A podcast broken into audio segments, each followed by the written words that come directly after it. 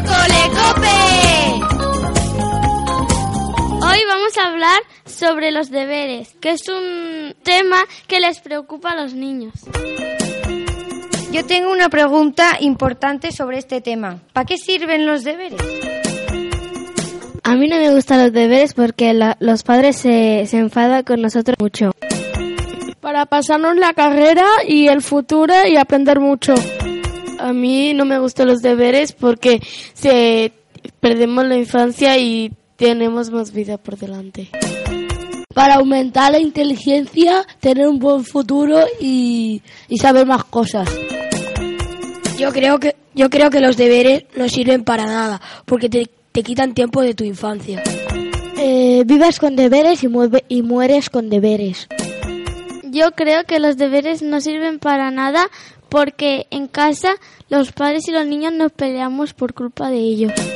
Yo creo que no, los deberes no significan para nada, solo quitan los tiempos. Y, y, yo creo que cuando alguien lo hace bien y tú lo haces mal, la gente se chiva a tu madre y te pega. Los deberes no sirven para nada porque te quitan tu infancia y también tu vida. Y te puedes cabrear con tus padres y que no puedes salir casi ningún rato al parque.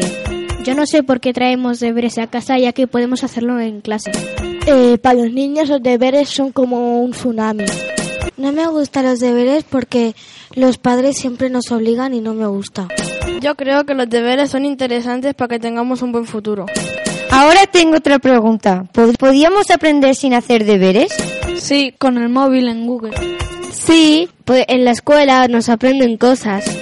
Yo creo que no, porque si no estudiamos no podemos aprender nada. No, porque si no, no podríamos aprender en casa tampoco, haciendo las actividades. Eh, yo entiendo que tengamos deberes, pero es mejor hace hacerlos en el cole que en casa. Esto ha sido todo por hoy. Hasta el próximo programa.